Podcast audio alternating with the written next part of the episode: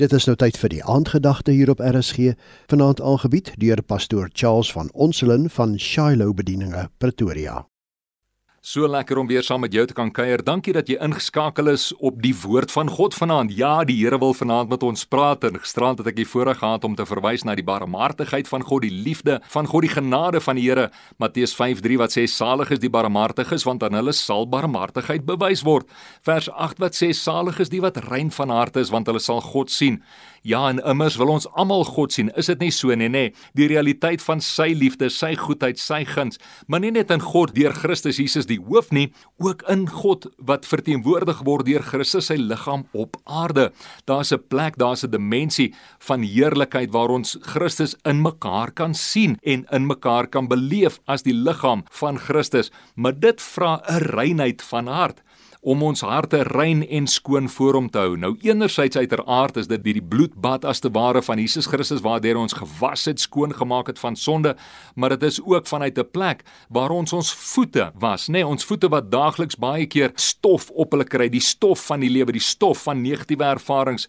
Was jou voete, was jou hart deur die woord van God soos wat Efesiërs 5 ons sê om deur die woord van God gewas te word, want hulle sal God sien en dit lei ons na 'n plek van vers 9 9 Matteus 5:3 wat sê salig is die vredemakers want hulle sal kinders van God genoem word. Nou kom ons wees eerlik tussen my en jou, net ons hierso waar ons praat met mekaar.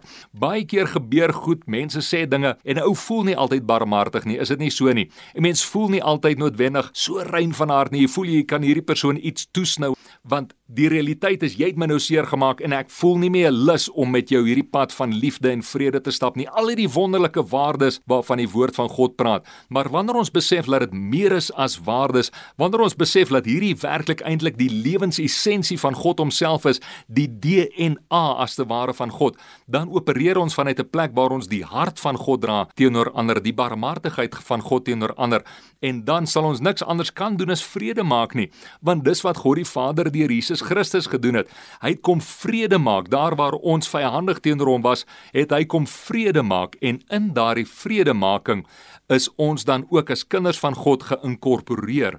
En daarom sê vers 9 salig is die vredemakers want hulle sal kinders van God genoem word. Mag jy self in die vrede van God wandel wetende dat ons net kan vrede maak wanneer ek in sy vrede wandel. Wanneer ek hom as die prins van vrede ervaar in elke aspek van my lewe. Weet laat God se vrede daar vir jou is dat hy spreek oor jou situasie spreek oor jou lewe en as te ware sê vanaand shalom vrede oor daardie storm in jou lewe. Mag jy sy vrede, goedheid, guns, liefde en sy heerlikheid ervaar. Die aandgedagte hier op RSG is aangebied deur pastoor Charles van Onselen van Shiloh Bedieninge, Pretoria.